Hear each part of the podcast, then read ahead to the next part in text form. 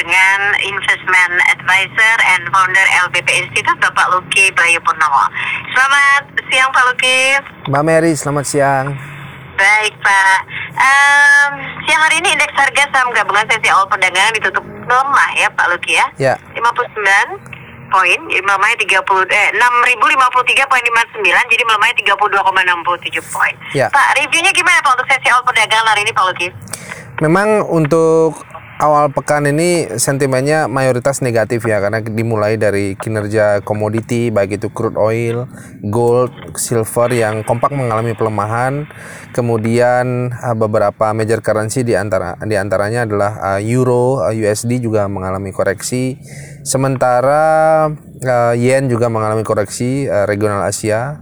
Kemudian kalau kita lihat pembukaan uh, future index dan uh, kinerja daripada regional Asia sebenarnya masih mix ya karena uh, FTSE Nikkei menguat namun terbatas. Nah, untuk itu memang dari level 6053 indeks harga saham gabungan masih dapat mengalami koreksi untuk menguji level uh, 6000 di mana uh, hari ini uh, range indeks harga saham gabungan itu sempat berada di angka 6049. Untuk itu uh, target indeks masih cenderung melemah terbatas untuk menguji level 6000 hingga 6030.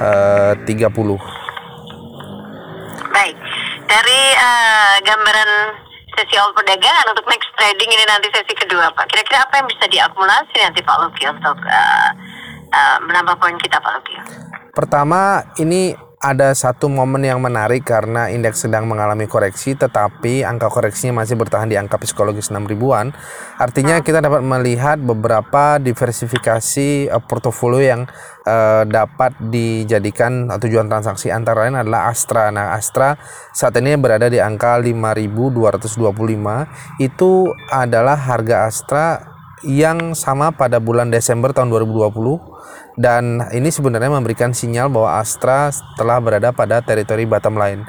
Nah, untuk itu uh, Astra dapat menjadi tujuan transaksi untuk uh, jangka pendek hingga jangka menengah dengan target uh, 5.700. Itu untuk Astra.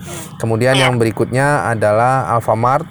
Nah, Alfamart ini memang uh, kita dalam situasi ini tidak bisa ber bergantung kepada sektor karena memang kinerja bursa masih mix. Nah untuk itu Alfamart yang berada di angka 950 uh, itu cenderung menguat karena Alfamart masih berada pada teritori uh, positif karena dalam kondisi uptrend dengan target uh, 1100 itu untuk Alfamart dan yang terakhir adalah uh, Astra Agolestari yang mengalami koreksi di angka 9850 itu sama dengan angka Astra Agostari di bulan uh, November Desember tahun 2020 artinya ini sudah berada pada teritori bottom line untuk itu Astra Agostari atau AALI dapat menjadi uh, tujuan transaksi untuk jangka pendek dan menengah dengan target uh, di angka 10.150 Nah itu adalah tiga rekomendasi yang dapat diakumulasi uh, sementara indeks uh, masih mampu bertahan di atas uh, angka psikologis 6000.